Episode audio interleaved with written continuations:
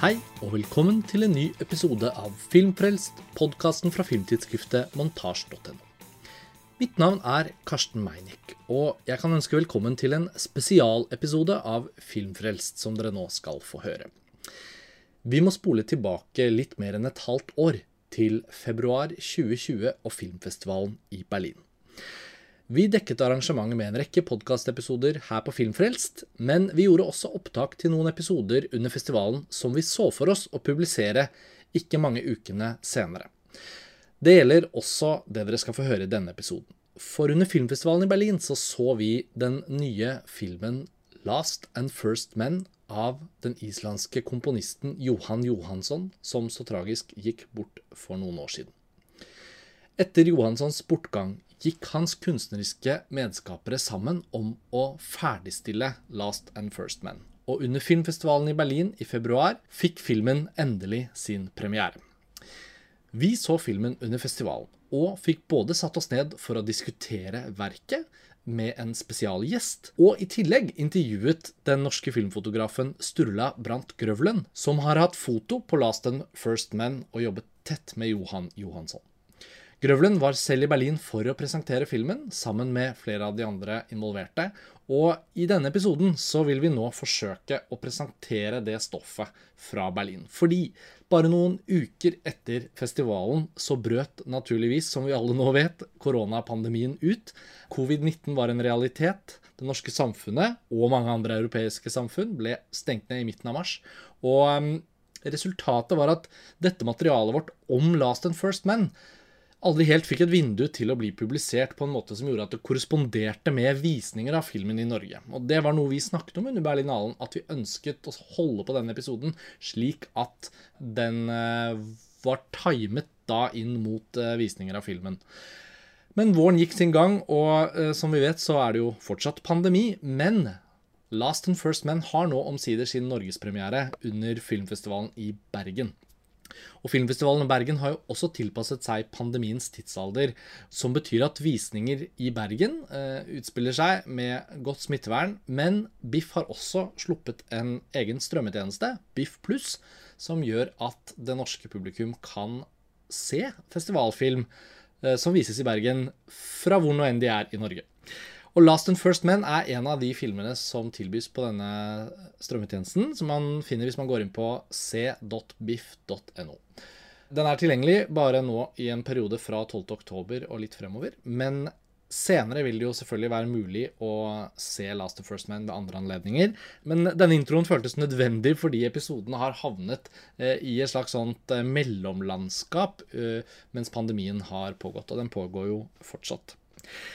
Så til innholdet her. Vi eh, fikk Audun Lindholm, redaktør i Vagant, med som gjest på denne episoden. Eh, og jeg vil først gå til den samtalen hvor han og jeg, eh, rett etter å ha sett filmen, setter oss ned på en kafé eh, i Berlin, eh, på kinoen hvor vi hadde sett den, og, eh, og snakker om hva slags film dette er, hva slags inntrykk den gjør og, og litt om den um, anekdotiske koblingen som gjorde at nettopp uh, Lindholm ønsket å, å, være gjest på Filmfrelst under Berlinalen. Og så, når den samtalen er over, så vil vi presentere intervjuet vårt med Sturla Brandt Grøvlen. Og det ble gjort uh, i en sånn offisiell pressesammenheng i Berlin, og da må man gjerne dele intervjutiden sin med noen andre. Så det er en belgisk journalist som sammen med oss fikk tilgang på Grøvlen. Dermed svarer jo da Grøvelen i intervjuet på engelsk, selv om han visste at han snakket med oss, som tross alt kunne snakket med han på norsk. Men med det i mente så um, vil jeg nok bare presentere Grøvelens svar som en slags flytende med strøm, og forsøke å unngå altfor mange av spørsmålene. Og de stedene hvor det er naturlig, så inkluderer vi selvfølgelig spørsmålene. Og om det er en veldig fremmed stemme, så er det da denne belgiske journalisten som stiller et spørsmål som vi opplever relevant å ha med. Så da var det rammeverket for at dette er en litt uvant og rar episode. Det er jo også et slags tidsavtrykk dere nå skal få høre. Eh, samtaler og intervjuer gjort i februar 2020, før vi visste at det viruset som allerede da hadde begynt å spre seg fra sin opprinnelse i Kina, var på vei til å stenge ned Europa og resten av verden og gjøre 2020 til et veldig, veldig eh, annerledes år enn vi trodde det var. Så med det sagt så vil jeg vel bare ønske dere god lytting og god fornøyelse med denne samtalen om filmen Last and First Men.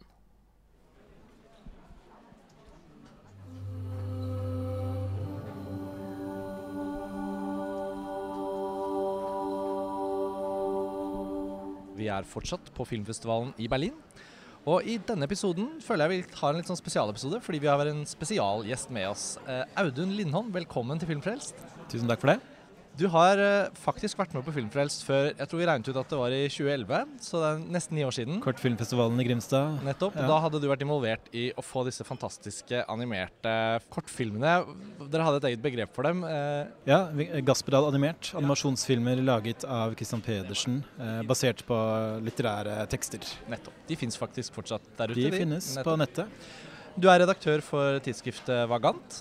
Og du er bosatt i Berlin og Bergen, og er jo på filmfestivalen i Berlin eh, hvert år. Eh. Ja, vi har møttes her før, vi. Ja, det er jo en fantastisk mulighet til å eh, ta noen stykkprøver av hva som foregår der ute i filmproduksjonens verden. Eh, og så siden jeg bor her mesteparten av tida, så, så, er det ikke så langt å gå heller.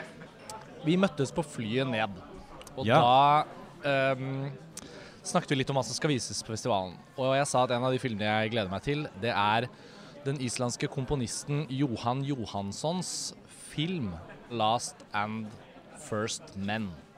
Johan Johansson gikk jo bort for to år siden, dessverre, men filmen han har holdt på med i årevis, ble da til slutt fullført og var programmert da inn på Berlinalen.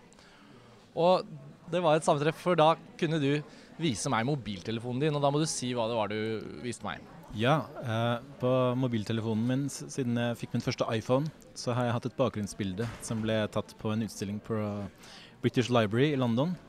Um, som um, viser en tekst som presenterer uh, forfatteren Olaf Stapledon. Mm. Denne utstillinga dreide seg om um, science fiction-litteraturens historie. Mm. Og særlig i Storbritannia så har uh, Olaf Stapledon en, en viktig rolle. Mm. Og på mobiltelefonen min så kan du da lese tittelen på denne filmen, men da som tittelen på hans roman fra 1930. For denne romanen har jo da åpenbart Johan Johansson vært så inspirert av, og funnet, eh, funnet en kobling da til disse monumentene vi får se i denne filmen. For det er jo en veldig hva skal vi si, Det er jo en ikke-narrativ film, nærmest. Eh, men det hjelpes jo litt av at vi har denne fortellerstemmen som er tekst fra boken. Så møtet mellom denne boka til Stapleton og uh, Johan Johanssons litt sånn visjonære idé om en film er jo sluttresultatet her. Og mm. Så etter det sammentreffet på flyet så tenkte jeg men jeg kjente ikke til den forfatteren eller boka i det hele tatt. Så jeg følte jeg fikk vite litt av deg. Og så nå som vi begge hadde sett filmen, så så sa jo du deg villig til å være med og snakke litt om det på Filmfrelst. Det ja. var veldig hyggelig. Og jeg har akkurat kommet ut av filmen. Vi sitter her på House de Berliner Festspillet i kafeen, så dere hører litt sånn festivalliv og summing, bak summing i bakgrunnen. Det, det, føler jeg vi tåler, for, for, dette er jo en film som, hvis jeg skal lage en bro, handler veldig mye om lyd. og handler veldig mye om en eller annen form for sånn transport... Tra, det som en tra transporterende opplevelse. Og det ligger vel også litt i romanen. Du må fortelle litt om, om hva det er med den boka som har fascinert deg så mye. Eh, transporterende er eh, det rette begrepet. Um, fortellerstemmen i boka tilhører en, et menneske i Ikke et menneske i vår forstand, men um, en framtidig etterkommer av oss uh, fra to milliarder år fram i tid. Um, som da via en eller annen underlig form for um, tankeoverføring klarer å snakke gjennom et av, et av, menneskene som tilhører vår generasjon av menneskehet, mm. nemlig The First Men. Mm. Denne stemmen tilhører en av The Last Men. Og eh, Ja, så der har du en transport. Mm. I tillegg så er det eh, sånn at denne fortellerstemmen gjennom romanen prøver å eh, fortelle oss om hva som har skjedd med de framtidige sivilisasjonene. Mm. Eh, hvilke feil som har blitt begått hvordan eh, teknologier og filosofier og levesett har utvikla seg. Og hvordan menneskeheten har måttet forflytte seg fra jorda til eh, først Venus og så andre planeter. Mm.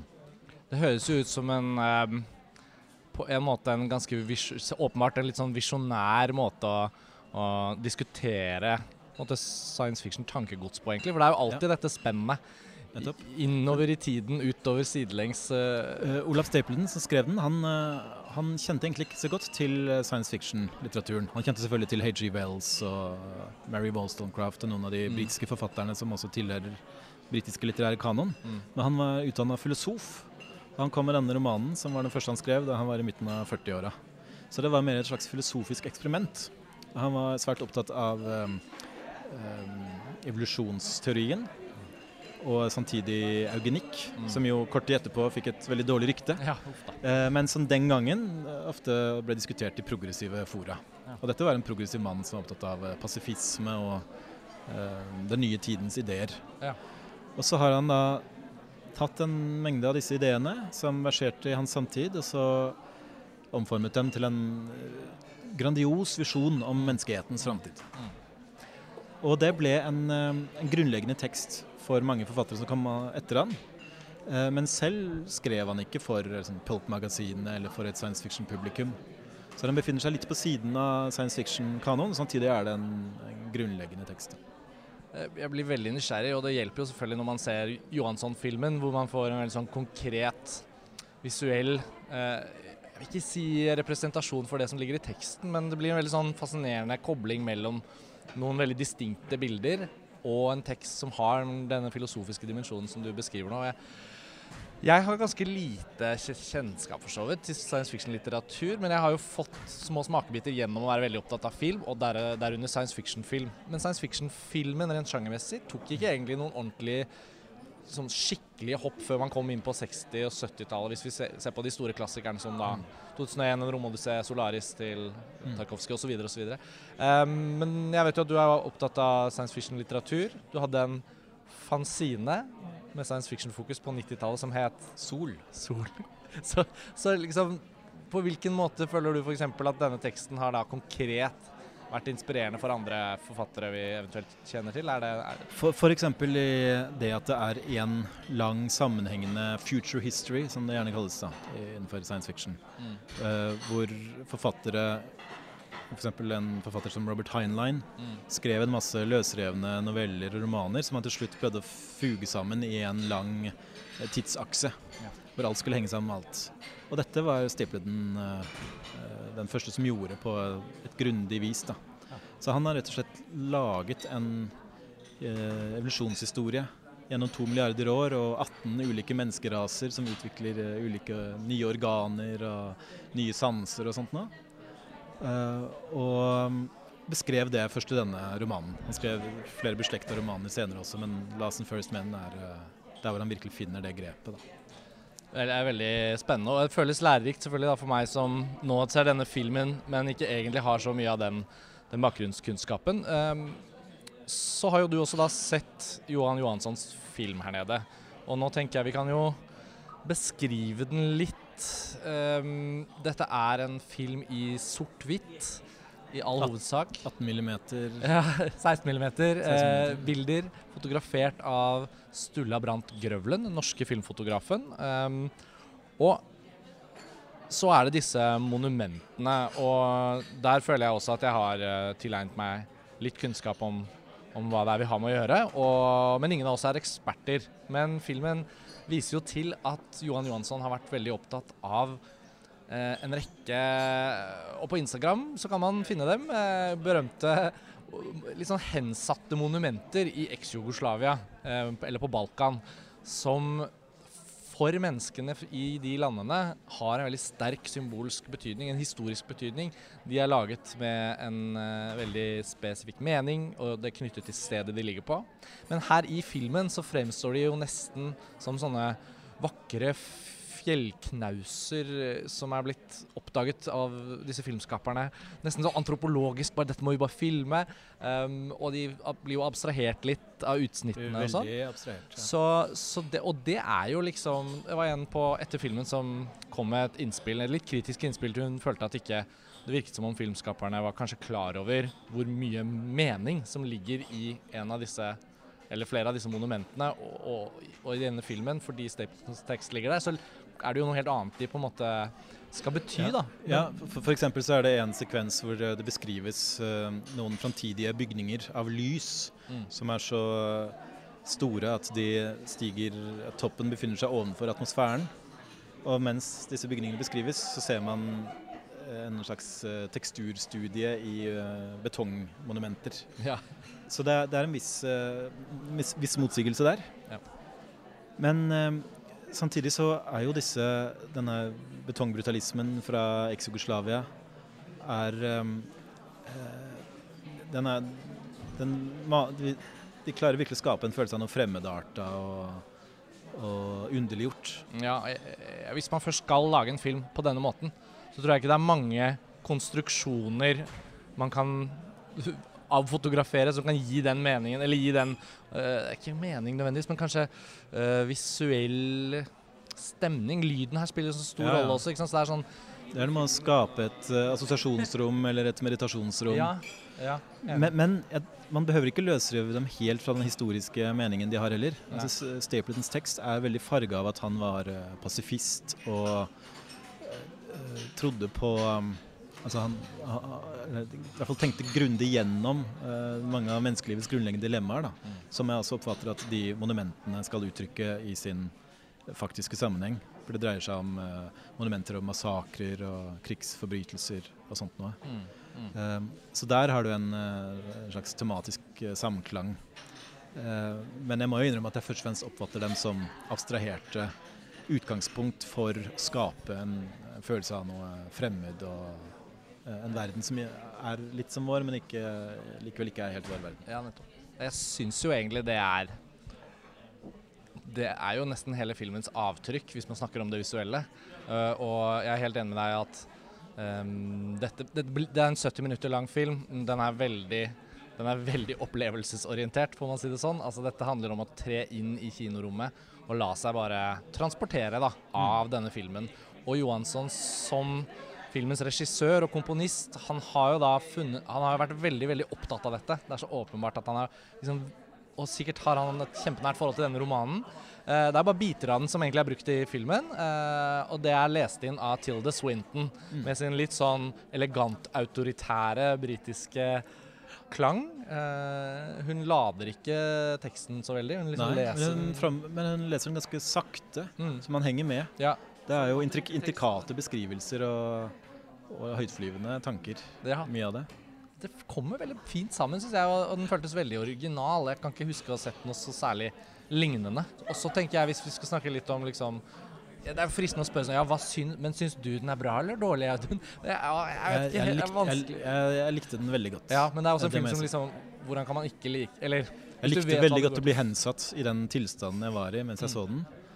Og jeg nærmest sitra av eh, fryd over tanken på at en eh, norsk fotograf har vært så sentral i denne veldig overraskende filmatiseringa, eller filmatiske kommentaren, kan man Ja. si, til eh, et så viktig verk i eh, science fiction-litteraturen. Ja. Eh, det kom som lyn fra klar himmel på Ja, meg at han har arbeida med det her. Og nå er dette den første filmatiseringa, så vidt jeg vet. Kommer til å bli oppsøkt av eh, lesere fra hele verden. Ja. Og sikkert bringe mange nye lesere til uh, Stapleden også. Så sett fra mitt ståsted, da, som Ja, ja. mangeårig Stapleden-leser, så var det eh, Og jeg syns ikke det er skuffa Altså, det er ikke noe noen trenger å uh, skjemme seg over. Dette, Nei, nei. dette er noe å være stolt av, syns jeg. Ja, jeg er enig. Det er en veldig, veldig spennende film. Og, mm, og ja, vi snakket jo bare litt Nevnte jo bare litt så vidt at Sturla Brantgølen har hatt foto her. Og for de som ikke kobler han, så er jo det da en fotograf som har jobbet egentlig mye mer utenfor Norge enn i Norge. Han gikk på den danske filmskolen og fikk et gjennombrudd her i Berlin da han hadde foto på denne tyske filmen 'En natt i Berlin', eller Victoria, Victoria. som den het. Som ble også berømt for sin nesten sånn idrettsprestasjonsaktige foto. Én lang tagning. To, to timer og 20 minutter lang film. Eh, og senere så har han eh, også jobbet med filmskapere i USA og ø, i Danmark, Europa. Og han er også aktuell med foto på denne Shirley, som også vises nå under festivalen, om Shirley Jackson. Så han, eh, han tror jeg vi kommer til å åpenbart eh, se mer Mm. til på den internasjonale scenen. Eh, og han var her nå på visningen.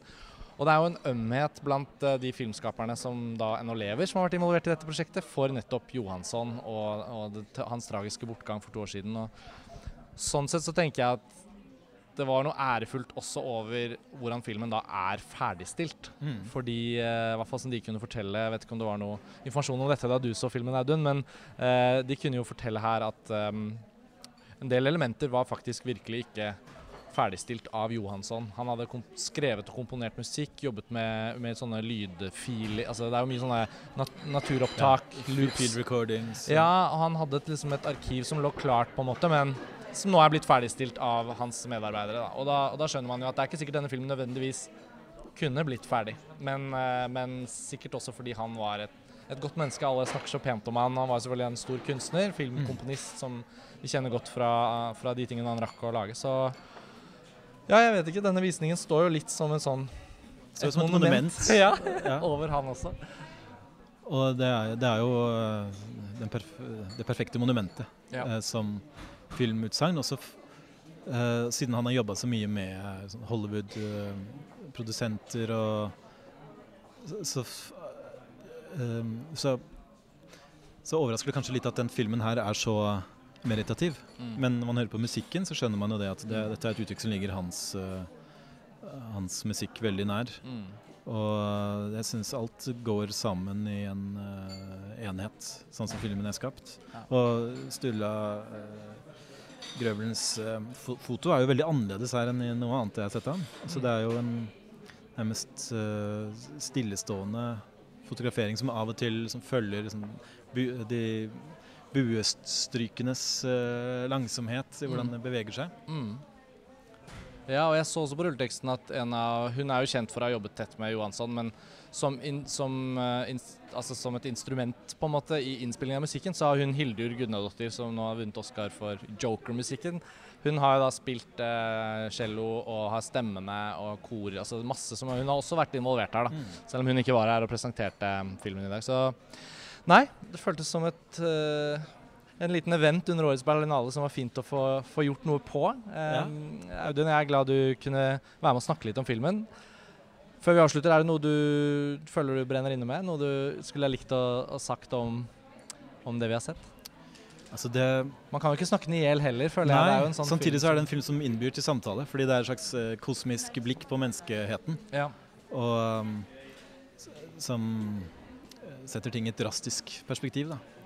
Og det syns jeg er ganske forbløffende hvordan en sånn roman som man kan kunne sett for seg at man kunne lagd 18 sesonger med spektakulære, eh, humanoide skapninger eh, i eh, actionfylte scener. For det er veldig mye som skjer i disse sivilisasjonene. Kriger og ja. Og ja, det er såpass mye mer plott, på en måte. Ja, og masse terraforming og vitenskapsgrener som Ja. oppstår og forsvinner osv. Uh, og så har den i stedet fått en så lavmælt uh, fortolkning eller kommentar som Mm. dette. Eh, det det syns jeg var veldig flott å se at det gikk an. Ja, det er et slags destillat, nesten. Helt ned til abstrakt Altså, det er jo virkelig en helt abstrakt film. Ja. Og Samtidig så er det det- ser man ikke så ofte. Men det, den teksten jeg valgte ut, er ikke bare, det er ikke bare de filosofiske partiene. Det er også noen konkrete beskrivelser av eh, sånn, noen av disse framtidige menneskerasene og, og, og planetene og bygningene de har og, Mm. og sånt. Så det, han har ikke valgt å liksom, løfte det helt opp i den eh, tynne lufta heller. Nei, nei, nei. Vi får håpe at denne filmen nå kan bli å se, da. Uh, for nå har den jo hatt premiere her i Berlin. Uh, og, Typisk festivalfilm. Ja, og det burde den jo virkelig bli. Den er jo også kort, så sånn sett så er det jo det er lett å programmere den inn Mm. fordi den bare er 70 minutter. Uh, men opp på et stort lerret og med høyt volum. Det er jo også et fantastisk parti i filmen hvor de har mikset Altså Filmen er jo spilt av her i Berlin nydelig, liksom, med høy lyd. Men så har de da mikset den enda høyere på et helt spesifikt sted i et sånt voldsomt crescendo. Mm. Som selvfølgelig ja, Det får jo liksom nesten kinosettene til å dirre. Så den må jo opp på det store lerretet, og med høy lyd. Og vi, dere hører jo det, kjære lyttere, at vi anbefaler folk å oppsøke denne filmen når dere får anledning.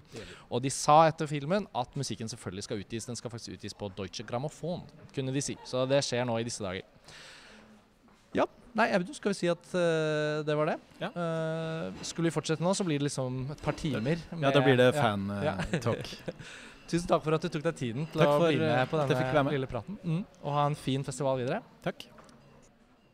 Ja, der hørte dere altså Audun Lindholm og undertegnede diskutere filmen Last and First Man eh, i Berlin i februar 2020. Og som varslet så skal vi nå gå rett videre over til vårt intervju med den norske filmfotografen Sturla Brandt Grøvlen.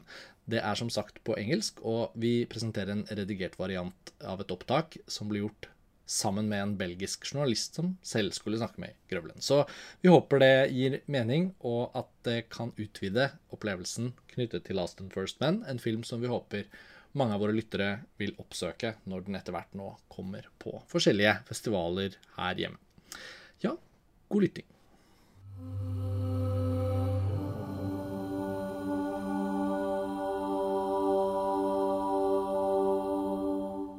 I think yeah, I think actually Johan started working on it uh, back in 2010, 11 or so. I'm not sure exactly what year, but but I, you know, um, I talked to most of the people that he collaborated with in uh, during the whole making of the film, and uh, and some of them were like, yeah, he talked to me about it in 2007, and 10, so it's been like on his mind and on his radar for many many years. Um, but I first heard of it in 2000. I think it was 14, like spring 14, where we met in Berlin after we had done a film together. Where I mean, he was a composer, I was a cinematographer on my first feature film. Uh, so we had a connection through that, and then we met in Berlin when I was preparing Victoria, and he talked about this this film uh, and that uh, fall, we, we shot it uh, for three weeks in the Balkans. Yeah. Uh, and then, and that was right about the time where he, you know, got all his his kind of fame started to to really rise, and he got a, nominated for a Golden Globe. Like while we were on the road, I remember. Just like in the van, he got a phone call from his agent. Hey, you got a. And then he was suddenly, you know, doing all these interviews while we were driving around, and you know, it was a very kind of quiet, reserved, a little bit kind of shy, yeah. Scandinavian, uh, Icelandic. Yeah. Uh, uh, but very thoughtful and intelligent. So he, he always, you know, I don't I don't think he was ever in doubt where he came from artistically or what he wanted to uh, communicate in his music, uh, and so so he was very really good at doing this uh, press stuff as well, yeah. um, uh, but not necessarily enjoying it. Um, so because of all that attention, I think he couldn't really focus on like just doing Last and First Men, and that's why he kind of stretched it, got stretched out for so many years. Like he was trying to edit it and. Uh, like mentioned at the Q and A, the editor, like it, you know, all the pieces can fit in million different yeah, ways, exactly, yeah. and like to kind of really find a structure, you you you have to spend a lot of time on it and and consistently, and and I think he was trying to do all of that while also creating the music for it, and it's and then he was you know doing music for all these kind of big Hollywood films as well, and having to meet deadlines, and so it all got a little bit too, too short on time for him. But just before he died, we were like all sort of trying to do the, the last stretch and really finish it. Uh, and the sort of the edit that we based our work on after after he passed away was a cut that he had done like five months before, uh, kind of working on top of our editor's work and kind of adding to that. You know, he was always you know finding an hour here and there to put ideas into it and there were some new ideas in that cut that that were we hadn't seen before that kind of made sense and kind of tied it together. Yeah. Uh, so we kind of continued in, in that direction, and that was yeah. Take us back a little bit more to the shooting. You were describing that you were on the road together. Um, the open puzzle that the uh, editing obviously is mm. like you can you can stitch it many ways and with the whole we both see it here in Berlin with the soundscape you know it feels like you can even edit it yourself as you're watching it yeah. I closed my eyes for a bit not because I was tired but mm. it's a very it's a very meditative yeah. film uh, while you were shooting how did you sort of think about the potential for a structure or if you at all thought about it could you tell us a little bit about like moving around and seeing these these incredible sculptures and choosing sort of uh, because the rhythm of the way the camera moves is very much in tune with the music. Yeah, um, we were very aware that we didn't want to, you know, just go out and photograph the monuments in sort of their glory, like, uh, and then see. We were, we wanted to create abstract images and kind of emphasize this futuristic science fiction element, and uh, we also had in mind that the, uh, um, a direction could be that we we experience these different monuments as one monument as well. Um, so so with that in mind, uh, oh yeah, and we also wanted to make almost make it feel like they were moving themselves. So we tried to create these uh, camera movements that hopefully you would feel like oh it's almost the, the monuments that are moving or you know the sky. Some, sometimes when the sky is in the back, I don't even know if you're looking up or looking. uh, like Yeah, uh, yeah. the perspective is also Yeah. shifting. yeah Like a yeah spaceship. uh, float- exactly we through wanted to kind of yeah uh, uh, dissolve this uh, the feeling of gravity maybe or, or geography a little bit and make it abstract in that way And thinking about eventual shots that might have been, you know, thrown away in the edit, what kind of shots did not ultimately correspond with the final result? Like, was there certain static shots that you were like, okay, we have so much movement now that works, need to skip this one, or is most of it used? there's a lot of material and i think most yeah a lot of those kind of wide shots where you where you kind of sense the surroundings a bit too much Yeah, they were yeah. kind of mostly thrown out it was Yeah. kind of important to keep it uh, yeah keep, keep the the real world away from the images somehow. Um, it's hard to to to describe but you know once you once you start kind of finding that the, the right pieces and there there's a rhythm that kind of starts forming and then you want to just you know keep that rhythm going or and, and then the music kind of influences the rhythm as well. So um, I mean we slowed down some shots to make them fit Yeah, uh, or, or speed up or re- or looped something so so we were kind of trying to help our footage with those kind of Keep tricks. playing with it yeah in a way. yeah. The, the the cut that he left behind was you know had most of the ideas of the music in it.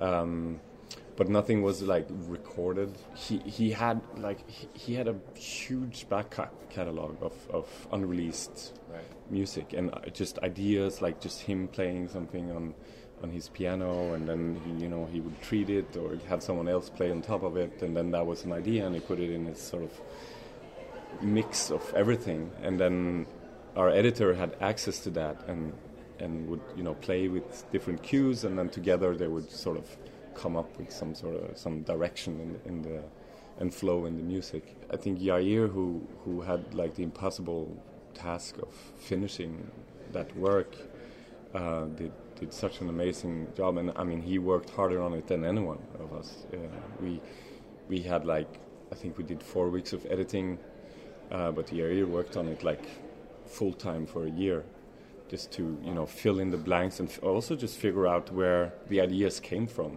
to be able to finish them. And uh, you know there's there's echoes from the the sort of the Blade Runner score that didn't end up in Blade Runner, and there's uh, echoes from the Mother score that that kind of came into to this film, Yeah. which is which is kind of exciting as well. So, um, but obviously it was very difficult job for for Yair to kind of find and and and uh, create this. Well, finish it, create it um, in his spirit also. But something we talked about that I also felt was important and it's important to mention is that um, when we after Johan passed and we started working on finishing it, um, we we had you know in the beginning it's like okay what would Johan have done and would he would he like this or this and then you start second guessing and we all knew him in different ways some very personally some only professionally and often a mix and um, so we all had different ideas of who he was as an artist as well uh, and so we, we couldn't sort of go into those discussions uh, second guessing what he would have done. It was kind of a strategy that we put. Uh, uh, or that we had was that um, that he chose to work with us for a reason, and that we just have to kind of be our own artists and put our own sensitivities in this work and discuss that. You know, uh, otherwise I think it would be very difficult to get people to collaborate on, on the. Just building on what we're talking about, I Yeah. it all interconnected. But I did not know until this was official that he had actually gone into the role of a director on a mm-hmm. on a project that's much larger than you know a little thing mm. here. And, but you have also sort of moved into a different role, contributing to the finalizing of the film. Mm. You are a cinematographer. He's famous as a composer, mm. but in a way, Yeah. a lot of people seem to have necessarily been stepping into the directing in a way like the other composer of course composing but in a way taking charge of an artistic idea that needs to be brought into how was that mm. for you could you talk a little bit about that sort of do you hesitate to make a decision and think like or is it easier because you know you're also honoring your friend and Yeah, it's interesting because when I first met Johan, it was you know under. Of course, I knew his work as a composer, but it, we met as cinematographer director. right So I, in my mind, he's he was always a director or like a storyteller and filmmaker. So, of course, it was uh, very intimidating when you know uh, his manager manager Tim called me, or he after Johan passed. You know, it was a big shock and, and a, a process of sorrow for for a long time. So nothing really moved, and then after a, a couple of months, his manager called everyone involved in Last and First Men because he realized that it was also important for his family that this work was finished um, because it was like with his family he this was the project he talked about. He didn't you know talked about talk about his Hollywood films but he talked about this project. This was his yeah the- really his passion project. So Tim called everybody who had collaborated on, on, on the film and kind of wanted to hear their opinion about what we should do. And I saw the, the the cut that he had left behind, and um, and I had some opinions about okay, maybe if we should, because it was also a, a sort of a, a group of people that said we should just release it as he left it. Mm-hmm. You know, that would be the most honorable way to do. But it, but for for me and for another group of people, that didn't feel it didn't honor the work that he was aiming on for aiming for. So I had some opinions of, of what I thought would you know make make the film better or, and elevate it and, and kind of make it finish. And and I think uh, and then Tim called me a week later and asked okay do you want to get together with with a group of collaborators and kind of take charge of this process? And and I had to th- really think about that because uh, it is a very emotional uh, and sensitive uh, task to kind of go into to that because he was a friend and, and he touched a lot of people with his work. And and I didn't know if, if I could uh, if I should be the one you know doing doing that work. But once you sort of look at it as a as a film uh, as a fiction work of fiction um, I think I could sort of and, and, and trying to, like I said before, eliminate that pressure of what would Johan think or what would he say because sometimes he didn't even know the others like he would come in and then say this and the next day he would come in and say the opposite. So it, we, it wasn't like there was one way of, of doing it, but there was a clear vision and there was a clear direction. So um, so we we were just trying to kind of make that sharper and kind of yeah shape it in in that sense. And as you said- I don't know if that answered your question Yeah, completely. sort of. I was just gonna just short one example. Yeah. Uh, I read somewhere that Tilda Swinton was already involved while he was alive. Yes, Right. yeah, he did a recording with Tilda. It seems like you did a new recording with Tilda Swinton after. Yes. Uh, so could you talk a little bit about that's a very concrete choice, like Yeah. something you you you came together all of you. And I know Peter Albrechtsen, the sound designer. Yeah. He also knew him really well. He was Yeah. also part of finishing the film. Yeah. Like, how do you talk about making that decision? Saying like, okay, we all agree, let's do it. Let's call her and you know do it again.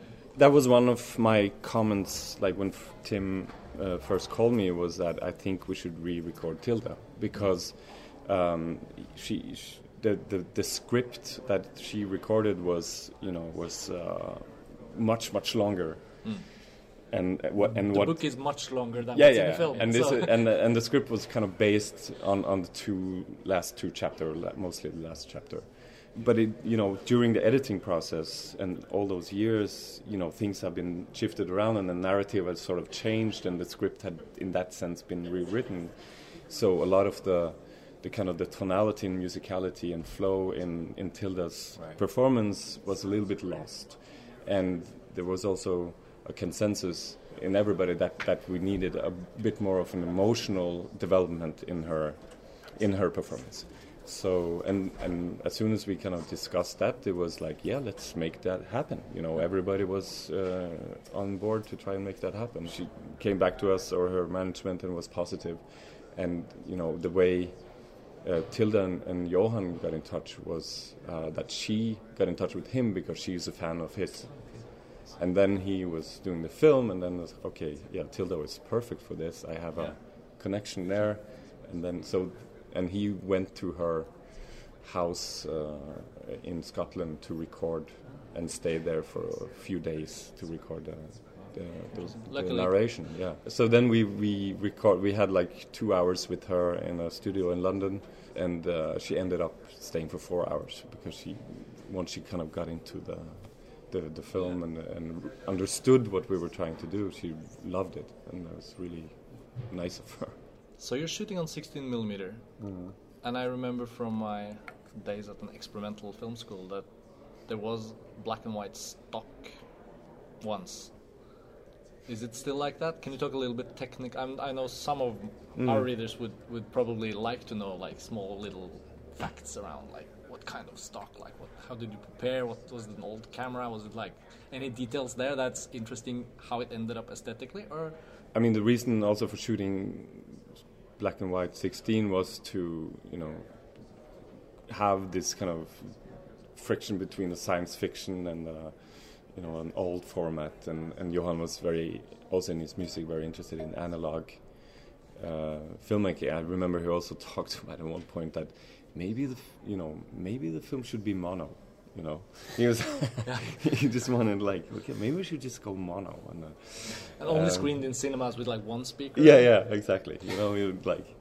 Um, so, and he had he had done a short film that was at Copenhagen Docks a few years ago that was shot on like eight millimeter black and white. And for his research on Last and First Man, he went around shooting also on just eight millimeter black and white, and he was in, I think, in love with that format. Mm. Uh, um, but he wanted this to be 16 and we shot it and there were actually two stocks that were available then one kodak stock and then this um, ORWO it's called um, so so we tested those two two stocks and, and went with the kodak one because it was much more reliable um, we shot on uh, an ARRI 416 and, and sort of ultra prime lenses, which are the most modern and top notch 16 millimeter cameras you can get. Mm. It wasn't that we didn't want the images to be sharp or to kind of decay in that way, but we, we, we chose not to clean the film. So it has all those dust, dust and scratches and kind of the feel of, of the material in it. I think that's as technical Yep. as I can. was pretty yeah, technical. yeah, yeah, yeah, yeah. What would you say made him such a unique artist and such a? I mean, as you say, when, once you hear or see anything of him, you're like, I want to see more of this and, and hear more of this. What what makes that unique quality to his work? I think Johan was, uh, you know, he was, he was just pure art in so many ways. I mean, he was, you know, I, I like films and I like music, but I'm not like, I'm not totally. It doesn't absorb every cell in my body in that sense, you know. And I think it, it did for Johan. I mean, he was interested in everything, and and I think that was probably what makes made him such a, a great storyteller. He studied literature, and obviously he's like an amazing musician, and he was, you know, experimenting with a lot of things. And was, his father also had, had great influence on him as a musician, like the whole IBM album, and uh, um, uh, and of yeah, and of course, uh, going to film, and he, he just he was just highly intelligent and and sensitive. Yeah. Um, how would you describe him as a person? Because his music can be quite gloomy and dark. yeah, And you mentioned he's shy. He was shy. Yeah. I mean, yeah. Does, the move, does, does his music represent him as a person in a sense? I, th- I think it absolutely does. Yeah, I don't think you can can go to the to those kind of dark places without having been there. Uh, so I I didn't know that side of him at all, um, but I, I I think there was you know more to his character than than uh, uh, yeah that is represented in the music. Yeah. Uh, at the Q&A yesterday, it was pretty interesting event that happened with the audience members that were themselves from uh, ex-Yugoslavian countries. Yes. Yeah. Uh, uh, so I'm watching this movie and I'm just like not interfered by anything. But a few people were like, "Are you aware that these monuments actually mean something? Every single one means something special." And watching the film, I'm so confused. It's la la la la la. And and um, when the question uh, rose about that, it, it kind of took us a little bit by surprise because we've been so kind of focused on, you know, how how we, you know, how we could sort of finish Johann's work, and we were just like, okay, we need to uh, have, you know, respect this art, the great artist, and, and how can we represent him on for this film somehow? And and obviously this is a very sensitive topic. I mean, the Balkans have been, uh, you know, uh, a region with a lot of unrest, and and uh, of course it totally resonates with uh, Olaf Stapledon's uh, text in so many ways when you kind of go into those layers.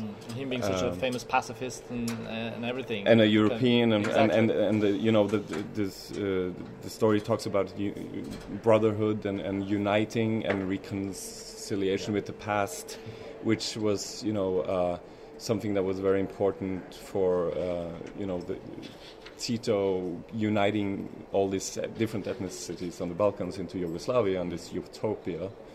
Um, that he was trying to create, and ironically failed, and another bloody war uh, happened.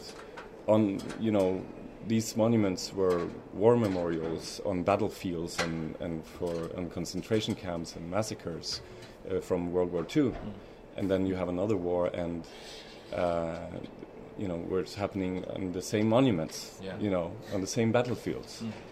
So, so it creates this really interesting and um, uh, complex uh, symbols Yeah. listen and and you know that the fact that they kind of lost uh, the monuments lost some sort of interest in in the population after Yugoslavia dissolved and they were just overgrown with veg- vegetation and graffiti and uh, also made them feel like these abandoned uh, futuristic images from the past it's Yeah. like there's a lot of like uh, tension me- in that and not being connected to that very very sort of Mm. national uh, tragedy of these Mm. countries and these Yeah. lands in a Mm. way um, it is kind of paradoxical and interesting that Mm. well they have been already appropriated in a way by the way history has passed before them Mm. during their and now after their abandonment and Mm. kind of they're also uh, portrayed to live eternally in a film Yeah. Yeah. let's hope uh, Yeah. that films are not never lost. Uh, and um, I just found it really interesting after they made Mm. those comments. I Mm. walked out of the queue and I was like, well, it kind of made the film even more interesting to Mm. me because then there's another layer that you're not telling that story in the film, but Yeah. that story Yeah. becomes a story for Yeah. the people who can connect different meanings to the sculpture. No, it's Yeah. super interesting because it's a science fiction and it's a fiction film, Yeah, and it's. Uh, but of course, it, it means different things for different people There- and, and different cultural backgrounds. So it's. Uh, There's buildings in Budapest that's now part of Blade Runner 2049, and Yeah. those were probably never meant to be part of that world Yeah, either. yeah, so yeah, you yeah, can yeah. continue like that. Yeah, It, yeah. Um, yeah. No, I think that's a good point that you're making. I mean, obviously you're drawn to them aesthetically, but but I don't uh, just you know I'm I'm 100% sure that you know that the meaning and the history behind them are were not lost to Johann.